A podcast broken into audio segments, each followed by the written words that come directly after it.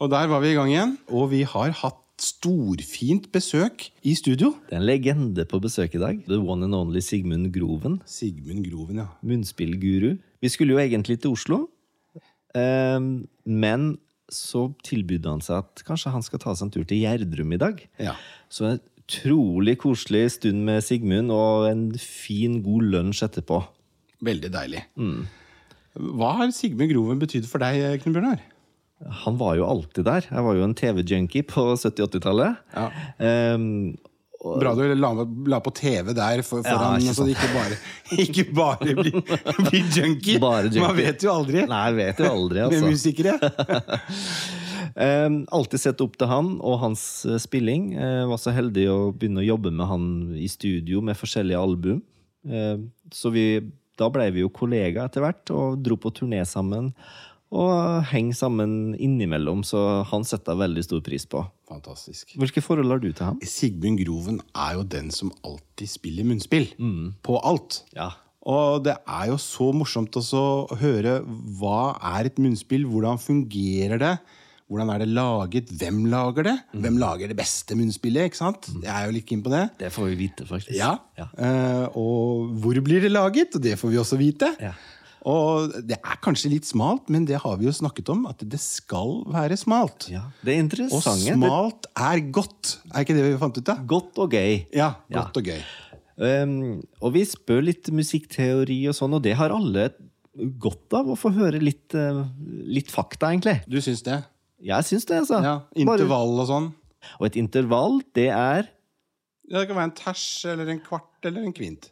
Ja, nå, nå svarte du med gresk, egentlig. Men et intervall er eh, avstand mellom én tone og en annen. Oh, ja, så det var for avansert, det jeg sa, egentlig? Du var for høy eh, Jeg, jeg lå for høyt oppe Du nå. lå for høyt oppe nå. Jeg tenkte jeg skulle gå helt ned ned bunn. på måtte trekke meg litt ned. Ja, Så, så det, ja, så det er litt musikkteori eh, blir det her du, også. det blir spennende. Det syns du er gøy. Ja, jeg syns egentlig det, altså. Ja, det er bra, det. Å sette musikkteori i et system, det er alltid gøy. Sigmund hadde jo så mye å komme med, så vi måtte jo dele intervjuet i del én og del to. Nå er vi klar for første del. Da kjører vi i gang. Vi gjør det.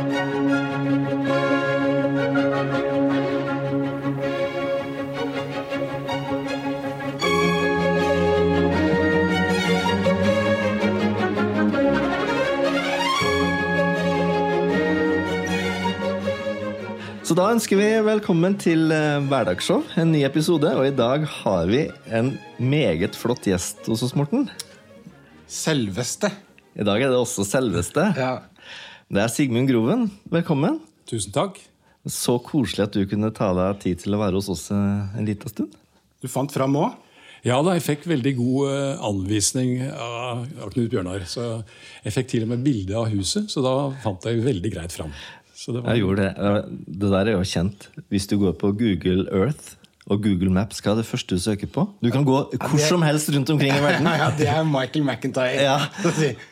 You go to your own house! Ja, og det første du søker på Google Maps, det er jo ditt eget hus. Ja. Så det gjorde jeg i går, og så sendte jeg et screenshot til deg. For da oh, ja, så du gikk ikke på utsiden og tok bilde av fasaden? Nei. Oh, nei. Jeg gikk opp på internettet, Ja. og så laga jeg et bilde til Sigmund. Og så screenshotta fra datamaskinen, for da veit han akkurat åssen det så ut. Ja. ja, det var veldig uh, Ja. nyttig, det. Ja, men så bra.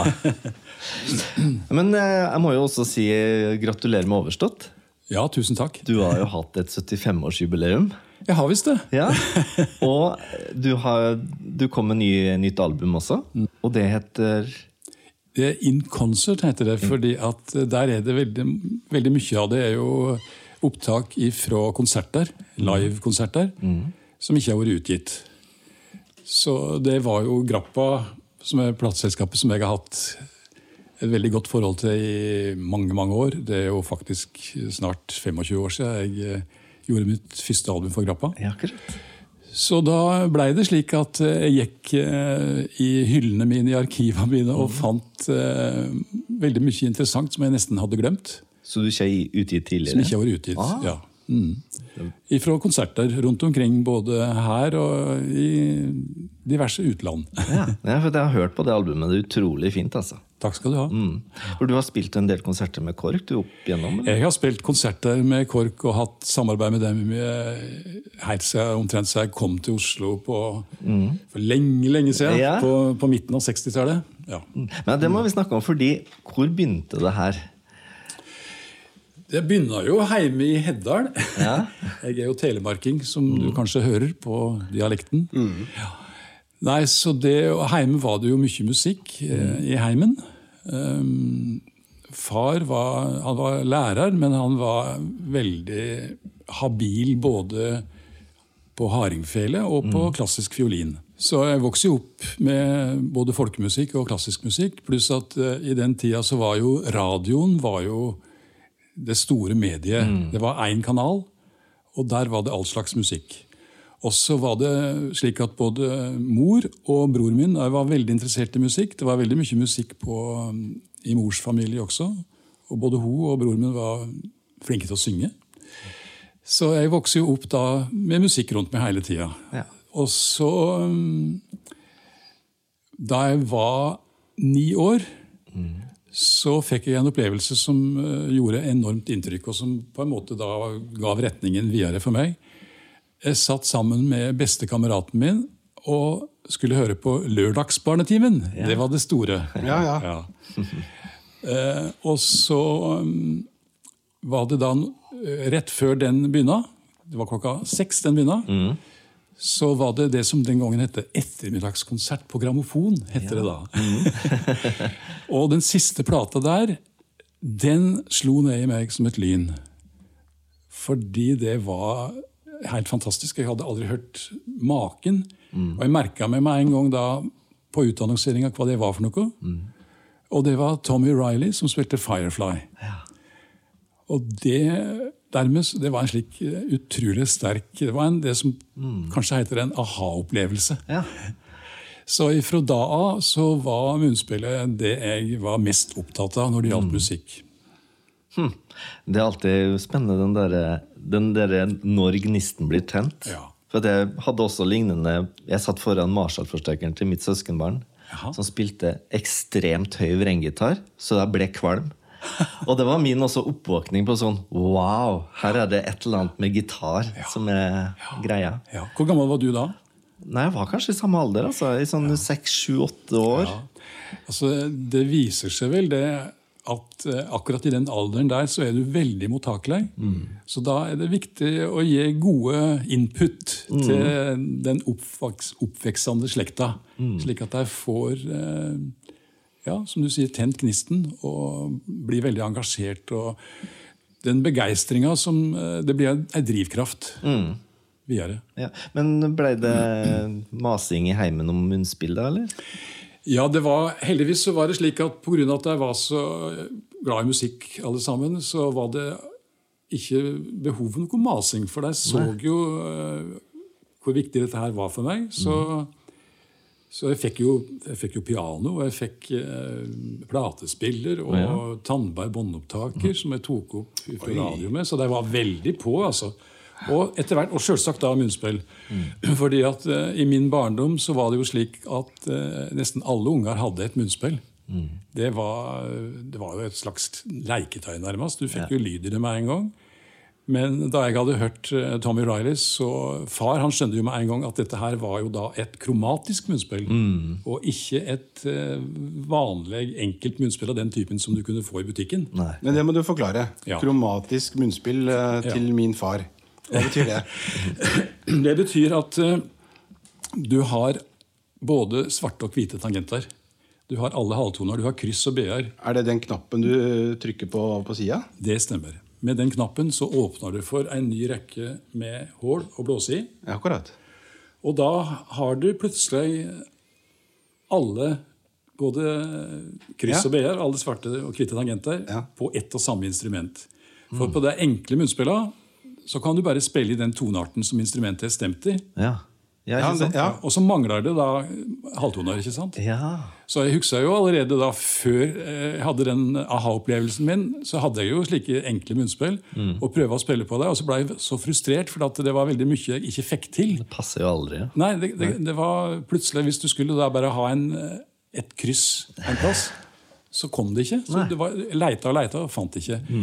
Så far han uh, oppfatta det der med en gang og kjøpte da et, eh, mitt første kromatiske munnspill til meg i Hellands musikkhandel på Notodden. Ja, for det var oppfølgingsspørsmålet. Hvor kjøpte man det på 50-tallet? liksom? Ja, nei, altså Det var en veldig bra musikkforretning på Notodden, faktisk.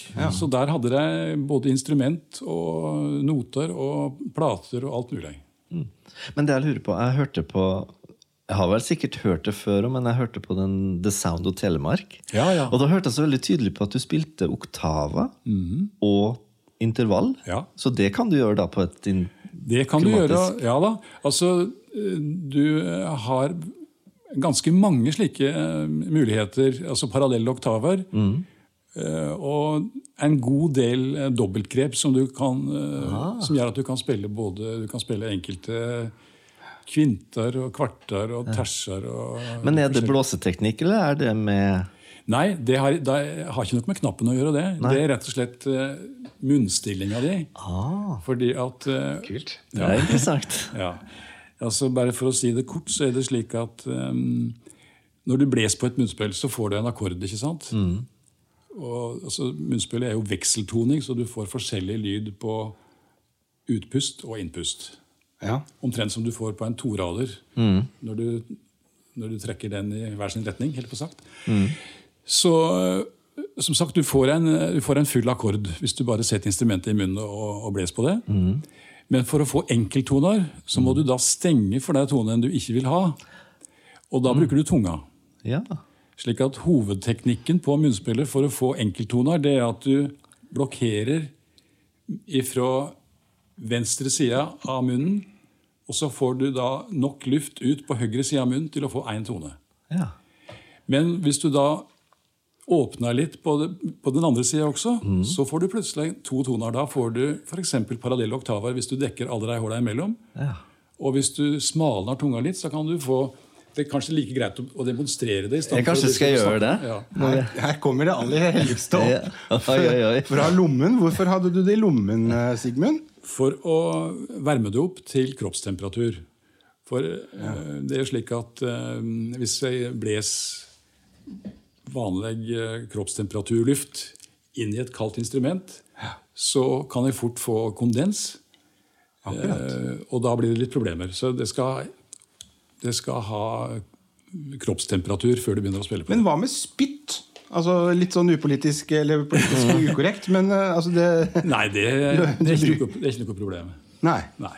Det har veldig mye med, med at du har utvikla en god teknikk å gjøre. Ja, altså Det har med teknikken å gjøre. For jeg ser jo folk som spiller trombone og trompet og sånn, de har jo Der har du ventil for å slippe ut. Ikke sant? Ja. Men bare for å demonstrere litt det som jeg sa da i stad. Når du bles inn i instrumentet, så får du en full akkord. Ikke sant? Men når du da legger tunga på, så dekker du som sagt da til de hulla du ikke vil bruke. Og så får du eh, først en akkord, da, og så tunga på.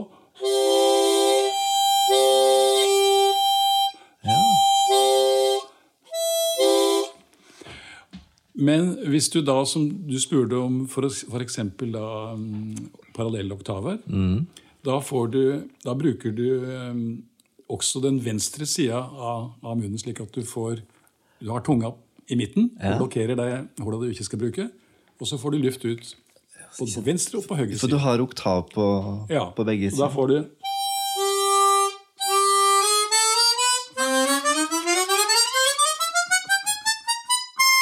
Utrolig. Og du kan også da velge f.eks. hvis du vil ha en, eh, en kvint. Nå blir det kanskje litt teknisk, men vi.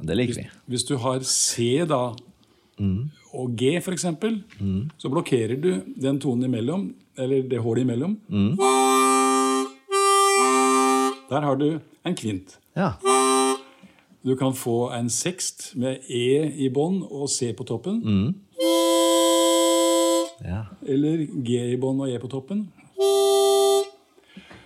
Og så terser, for eksempel, kan du få da ja. Så Men da morsomt. snakker vi stor ters, gjør vi ikke det? Det var stor ters. Mm. Du kan få en liten ters òg. Ja. Da har du mål. Fikk det lille billige poenget der Ja. musikkteori. Ja. Men det, det var veldig interessant å høre på. For at det, det skjer ganske masse bak det munnspillet i munnen altså, Ja. når du spiller. Det gjør det. Og det, som, det er jo faktisk et lite problem når du skal undervise. Fordi at veldig mye av det som er viktig på munnspillet, det skjer jo som du sier, inni munnen. Og det kan du ikke se. Du kan ikke følge med på det på samme måten som du når du underviser eh, på piano eller gitar eller fiolin, for da ser du det jo. Da er det fingrene som gjør jobben. Men på munnspillet så er det, skjer det usynlig. Ja. Ja. Men er det samme lyd når du går inn og ut på pust? Nei, Nei, nettopp. det er det ikke. Nei, for det, nei, det sa du jo. Ja. At det var jo som toraderen. Ja, Så da må du tenke på når du skal puste òg. Det blir pusteteknikk i tillegg her. det gjør det. Den er ganske essensiell, vil jeg tro. Absolutt. Pusteteknikken er jo veldig mye av nøkkelen til hele det å mestre det instrumentet. Så du har eh, Jeg kan jo bare ta da f.eks. Hvis vi tar en, eh, en C-dur-skala, da. Starter du på C, da er det blås ut, ikke sant? Så får du C. Innpust i samme hullet, så får du D. I neste hull, utpust, så får du E. Innpust F. Utpust neste G. Innpust A. Men nå skjer det noe rart, nemlig. Ja, Kommer du til H? Eller B? Til H? Ja. Og da skulle en tro at du skal blåse ut igjen. Men det gjør du ikke. Da må du ha en innpust igjen. AH. Begge to innpust. Og så lander du på C. og Da blir det utpust. Så der er det en uregelmessighet. Men det er jo måten det her er konstruert på, er jo for at du skal lande på en C-blås igjen. Og dermed så kan du få den parallelle oktaven. ja, ikke sant. Da skjønte jeg det. Ikke sant? Det er alltid en trøblete sjuertrinne. Altså. Ja, det det. Ja, det Og så har du dette med knappen. Når jeg trykker inn knappen, så får jeg en ny rekke med hull under der. Ja. Og da ligger alt det som du får da med knappen inne, det ligger en halv tone over. ja, ok. Så da får du f.eks. når du begynner på, på hull 1, der du får C. Trykker du inn og blåser, så får du sis. Ja. Puster du inn uten knapp, så får du det, som jeg viste i stad. Inn med knappen, så får du dis. Så da har du fire toner i samme hull 1, men med knappen så får du da altså kromatisk C sist, D-dis. Og så videre oppover. Så kult. Ja. Det, det var her, Nå lærte jeg mye nytt. altså. Ja, Det ble kanskje litt vel teknisk. Nei, jeg syns det er kjempeinteressant. Ja. Vi liker litt tekniske ja, det skal være smalt. Det må være smalt. både smalt og bredt.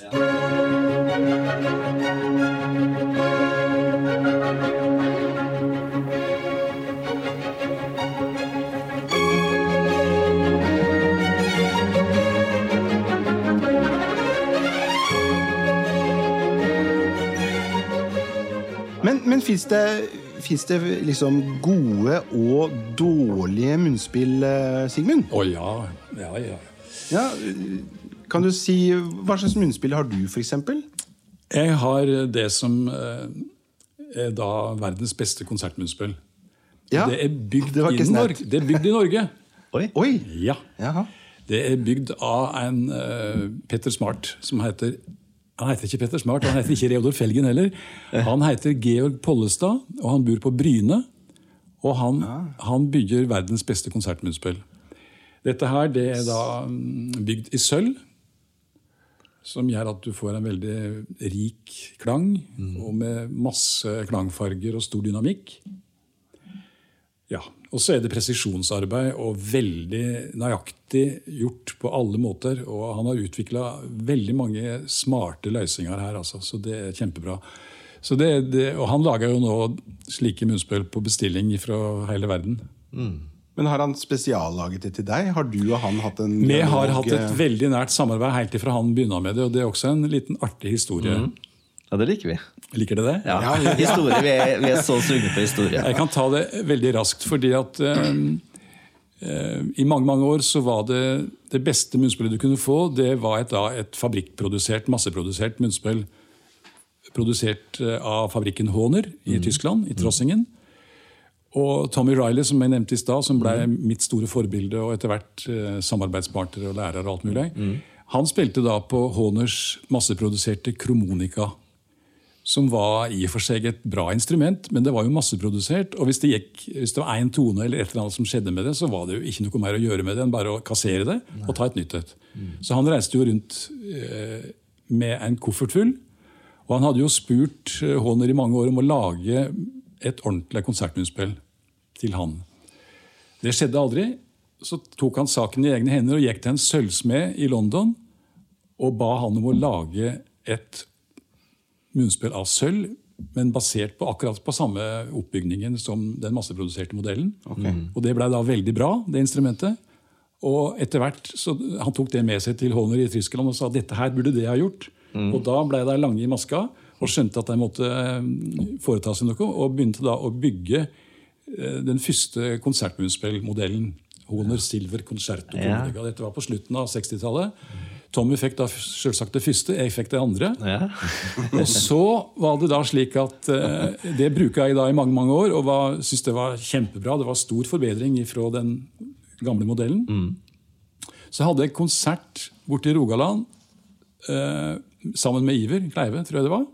Tidlig på 80-tallet. Og da kom det en mann bort til meg etter konserten og lurte på om han kunne få se på munnspillet mitt. Ja, okay. Og han presenterte seg, og jeg registrerte navnet hans fordi han hadde skrevet brev til meg på forhånd, så jeg, jeg visste om at han var veldig interessert. Spurte han hvor mye det kosta. Og på den tida så tror jeg den Honor-modellen kosta vel en, kanskje en 12 000-15 000. Så sa jeg å, det var mange penger, men jeg tror jeg kanskje kunne bygge et slikt et sjøl. Og Da begynner jeg å lure litt. Ja, da- Kan jeg, kan jeg få se inni det, sa han. Ja, det, Jeg skal begynne å skru det fra hverandre. ja, det, det noterte, da viste han det. Der og da, liksom? Der og da. Oh, ja. Etter konserten. Ja, selvfølgelig. Og så hjelpte jeg han med en del ting og sendte han noen stemmeplater som jeg hadde til overs. Og så, videre. og så gikk det et år, så var jeg på turné i Rogaland igjen. Og Da tror jeg det var sammen med Kjetil Bjørnstad. Og da kommer Georg Pollestad til meg med et instrument han hadde bygd. Han hadde bygd det av tinn, for han tok ikke sjansen på å bygge det første munnspillet av sølv i tilfelle det skulle bli mislykka. Ok. Og det var veldig bra.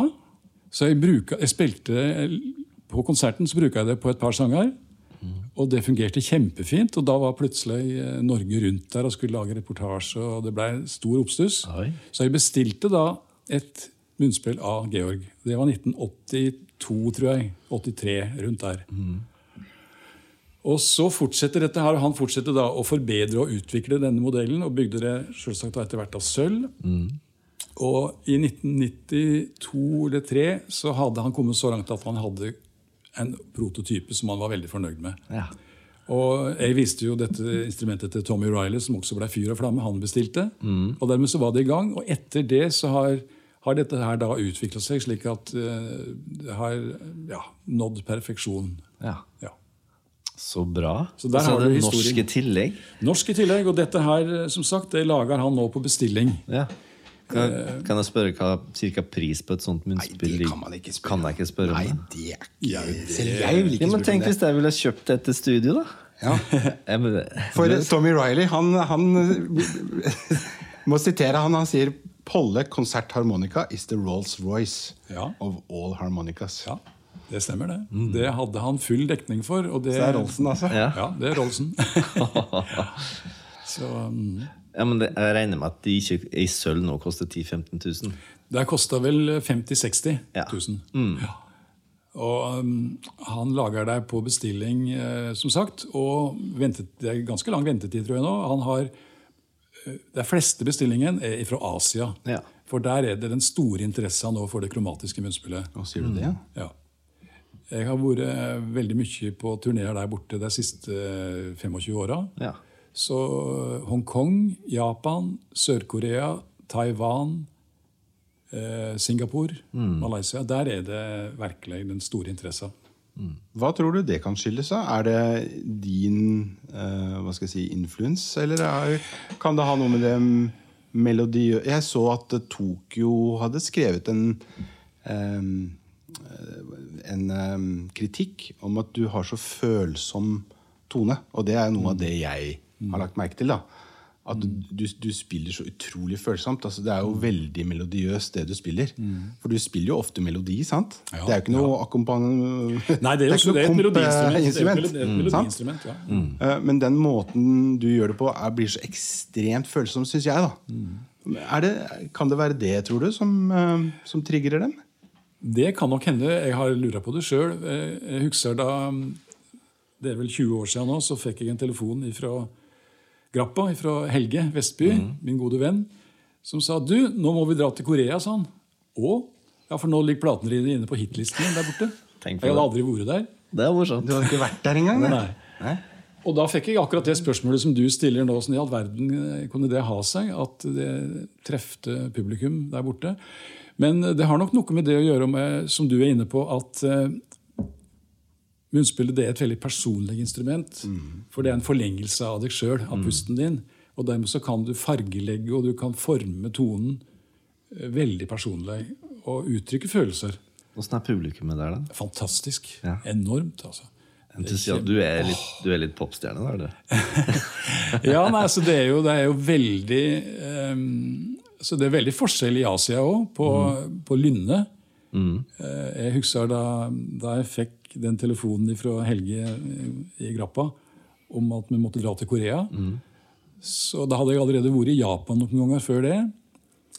Eh, Så jeg visste ikke så veldig mye om, eh, om Sør-Korea. Men eh, så jeg ringte til eh, ei koreansk dame som jeg, som jeg kjenner litt, som er musiker, og spurte henne litt på forhånd om Korea. Og så sa hun en del ting som jeg merka meg, og som, som eh, jeg syntes stemte da jeg kom dit. Nemlig at koreaneren koreanere er veldig følelsesmennesker. Mm. I Asia så ble det ofte betrakta som uh, Asias svar på italienere eller irer her i Europa. Ah, ja. Er interessant. Utadvendte og positive og lette å engasjere. Mens i Japan så er det kanskje veldig mye mer lukka. Folk eh, Litt som østerrikerne? Ja, kanskje det. ja. Litt se- selvhøytidelige og Ja, også, også veldig, øh, veldig korrekte og konservative. Alt skal liksom være helt på stell. Østerrikere. Ja.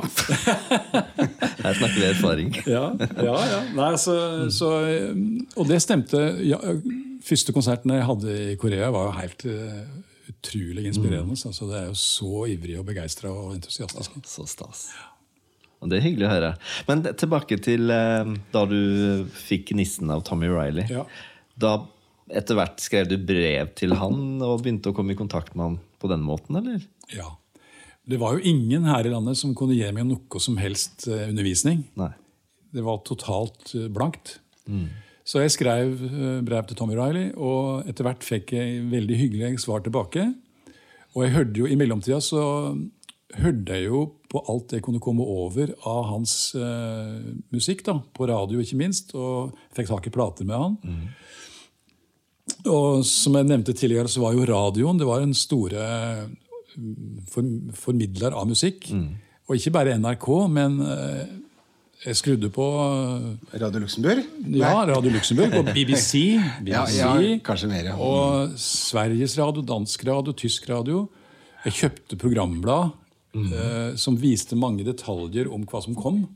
Så jeg hørte masse av Tommy var jo på radioen i BBC mange ganger i veka på den tida. Og som jeg nevnte, så kjøpte far og mor en uh, tannbær båndopptaker til meg til jul en gang. Så jeg setter meg jo ned og tok opp ting fra radio. Ja. Så jeg har fortsatt liggende mange slike firesporsbånd med opptak fra, den tida, med Tommy. da. Ja.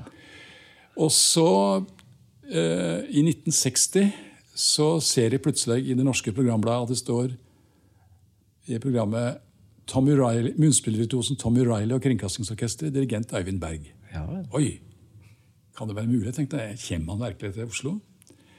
Og som den foretaksomme unge mann jeg var, var jeg 14 år, så satte jeg meg ned og skrev brev til Øyvind Berg. Og spurte er det virkelig mulig. Og så fikk jeg raskt svar tilbake. Ja, han kommer til Oslo og skal ha konsert med Kringkastingsorkesteret. Du er hjertelig velkommen til Oslo for å møte ditt store idol. Oh. Det var jo fantastisk gjort av han. Ja, veldig fint. Og for våre lyttere som ikke vet hvem Øyvind Berg er, så er han kanskje den mest kjente dirigenten på, i, i Kringkastingsorkesteret. Ja. Stemmer ikke det? Han, han fall, eh, var dirigent fra starten av. Orkesteret ble starta etter krigen i 1946. og Øyvind Berg var den første dirigenten og helt til han ble pensjonist. Så han var jo et begrep. Ja. Og en fantastisk person og en stor musiker. Så jeg fikk da fri siste timen på eh, realskolen og tok toget til Oslo. Og Eivind Berg sto på stasjonen og møtte meg Oi, oi, oi. og kjørte meg hjem til eh, familien. Eh, Da venta kona hans med pølser og is til meg. Og så kjørte vi opp til Holmenkollen turisthotell og henta Tommy og hans kone Ina. Og, og ble ble da med ned til familien Berg, så vi hadde en fantastisk kveld der. Det var først, mitt første møte med Tommy og Ina. Tenk for et minne å ha. Det var drømmedag for 14-åringen. vet du. Ja. Men Ina, det hørtes jo ikke unektelig engelsk ut. Hun, ja da, hun, ja da, Er hun hun, var- veldig engelsk. Ja, ok. Så det er, ja, ok. ENA. Å ja, ENA, ja. Ine. Eh, hun var um, erkeengelsk. Hun nydelig, eh, snerten lita blondine. Nei, jeg, jeg elsker å høre om sånn når du har store idol, og få møte dem første gang. Hvor viktig det er bare å I hvert fall når de er hyggelige i tillegg. da. Ja, nei, nei, De var jo så sjenerøse, begge to. vet du. Og da fikk jeg min første undervisningstime. Og jeg måtte legge om både munnstilling og håndstilling. Ja, Så bra. Ja. Og fikk eh, Tommy ga meg et munnspill. Et av disse her masseproduserte som det var eneste som fantes Ja, på den ja, tida. fra Høner, ja. Mm. Ja, så det var jo stort, vet du. Ja. Men flytta du til Oslo da noen Jeg år flytta etterpå? til Oslo noen år etterpå for å begynne å studere. Så jeg kom til Oslo da i 64. Som 18-åring, altså. Ja. Jeg tjuvstarta litt, så jeg var ferdig med Tok artium som 18-åring. Men er det sånn at du da begynte å jobbe i NRK rett og slett, etter hvert? Ja, ja, etter hvert så gjorde jeg det. Altså, jeg laga jo allerede da noe program om munnspill og om Tommy Riley i radioen Ja. da jeg var 18 år. Og så um, studera jeg da på Blindern. Og så bodde jeg på hybel hos eh, han som var sjef for skolekringkastinga, heter det den gangen. Og han kom en dag og sa du, nå er jeg på jakt etter noen som kan være hallomannsvikar i radioen. Ja, der kommer den. Der, der kommer den. Ja. Og så Halloman det er jo et merkelig begrep, men det var faktisk det som var det som det, den yrkesbetegnelsen. Egentlig så var det sendeleder som var den offisielle betegnelsen. I dag heter det jo kanalvert. Ja. Men den gangen så var det jo bare én kanal. Veldig greit. Ja. Og da, da tok jeg hallomannsprøve og ble engasjert. Så da begynner jeg å jobbe eh, Hallomannsprøve. Ja. ja, kult. ja, med språk og musikkuttrykk og alt mulig rart som du skulle gjennom. da, Og mikrofonstemme og slike ting. Ja. Så jeg begynte med det i 1966. Men da hadde jeg allerede hatt min første radiokonsert. Fordi Øyvind Berg, da, som jeg nevnte, som jo da var en veldig sjenerøs og flott person, han uh, sa til meg at uh, bare kom når du vil til store studio og hør på orkesterprøver og gå på konsertene våre og allting. Og så møtte jeg da um, Johan Øyan, som var um, pianist i orkesteret, og som også var et begrep i den tida. Han var glimrende allsidig pianist, komponist. Og, og han eh, hadde da akkompagnert Tommy Riley et par ganger på radio på det første besøket av Tommy hadde hatt i Norge. Så eh, gjennom da min kontakt med orkesteret og med Øyvind Berg og så, videre, så ble jeg også veldig gode venner med Johan Øyan. Så sa han nei, nå må, du, nå må vi lage en radiokonsert. Så jeg hadde min første konsert i radio med Johan Øyan i 1965. Tenk på det, altså. Og i, i den tida så laga jo NRK egenproduksjoner av musikk. Stadig. Det var jo et enormt eh, aktivitetsnivå.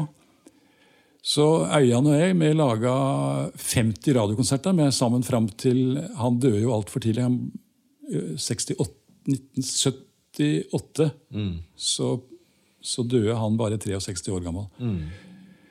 Men i hvert fall så var jo det Det var på en måte starten for meg, da. Ja. Da kom du inn i NRK-systemet, rett og slett. Ja. For du har jo fått jobba med alle de store gig gigantene, sånn Erik Bye f.eks. Ja. ja da, det var jo eh, NRK på den tida var jo et eh, kraftsentrum for norsk kultur. det var der det skjedde.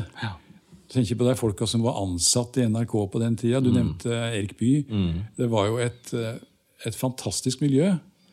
Du hadde, jeg kom veldig fort inn i da, gjennom Johan Øyan også inn i Søndagsposten, som var et legendarisk radioprogram med Otto Nilsen. Ja. Otto Nilsen, Erik Bye og Alf Prøysen styrte Søndagsposten. Så, for, og Willy Andresen var musikalsk leder. Robert Normann på gitar, Ja. husbane der. Kjære. Per Nyhaug, Håkon Nilsen, Alf Blyverke, Jon Svendsen. Det var et fantastisk musikermiljø. Så jeg da som eh, helt grønn, helt fersk, blei på en måte adoptert inn i det miljøet. Så det var jo helt eh, enormt, altså. Fantastisk. Da traff du Alf Prøysen òg. Ja, ja. Så bra du har fått Alf Prøysen-kopp i dag, da. Det passa veldig bra. Ja, Absolutt. Jeg Har jo vært på Prøysenhuset og spilt, så da får man Prøysen-kopp. Må ikke glemme å drikke litt vann. Det er sant. Når du da satt der som en eh, ung spire sammen med de folket som til da kanskje ikke Og de hadde jo stor status den oh, ja. gangen også, sant? Oh, ja. Nå har de jo blitt eh, Ja. Men eh, var det, det var vel som normale folk å sitte og snakke med det òg? Ja visst. Absolutt. Og med masse glimt i øynene, humor og sjølironi, ikke minst. ja. Så um, Jeg husker at eh, Johan Øyan og jeg kom i gangen og så møtte med Alf Prøysen i korridoren der. Nå snakker vi på Marienlyst, ikke På sant? Marienlyst i Ja. NRK, ja, i radio, Kringkastingshuset. Ja.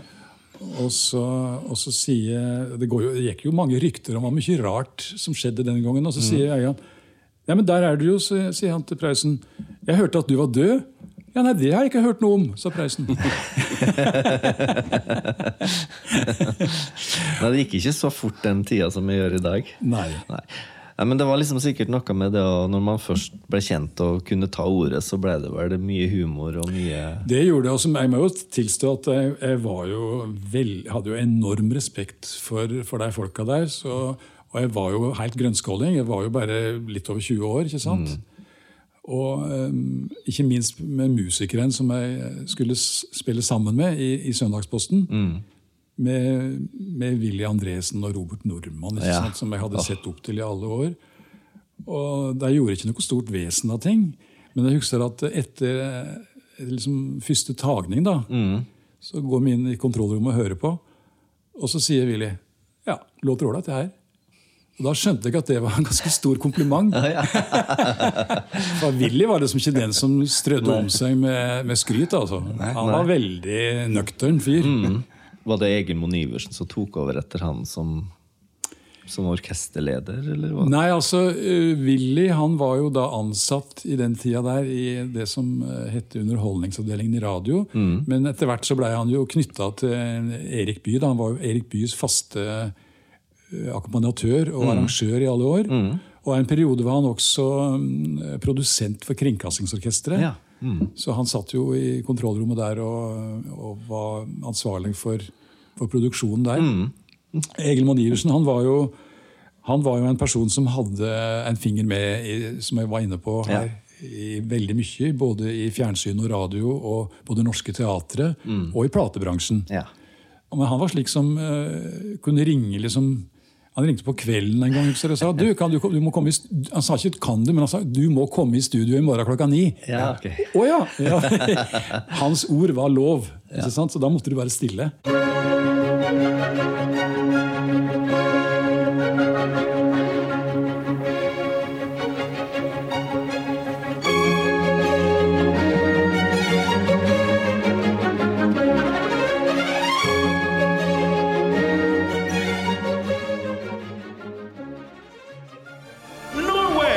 Media.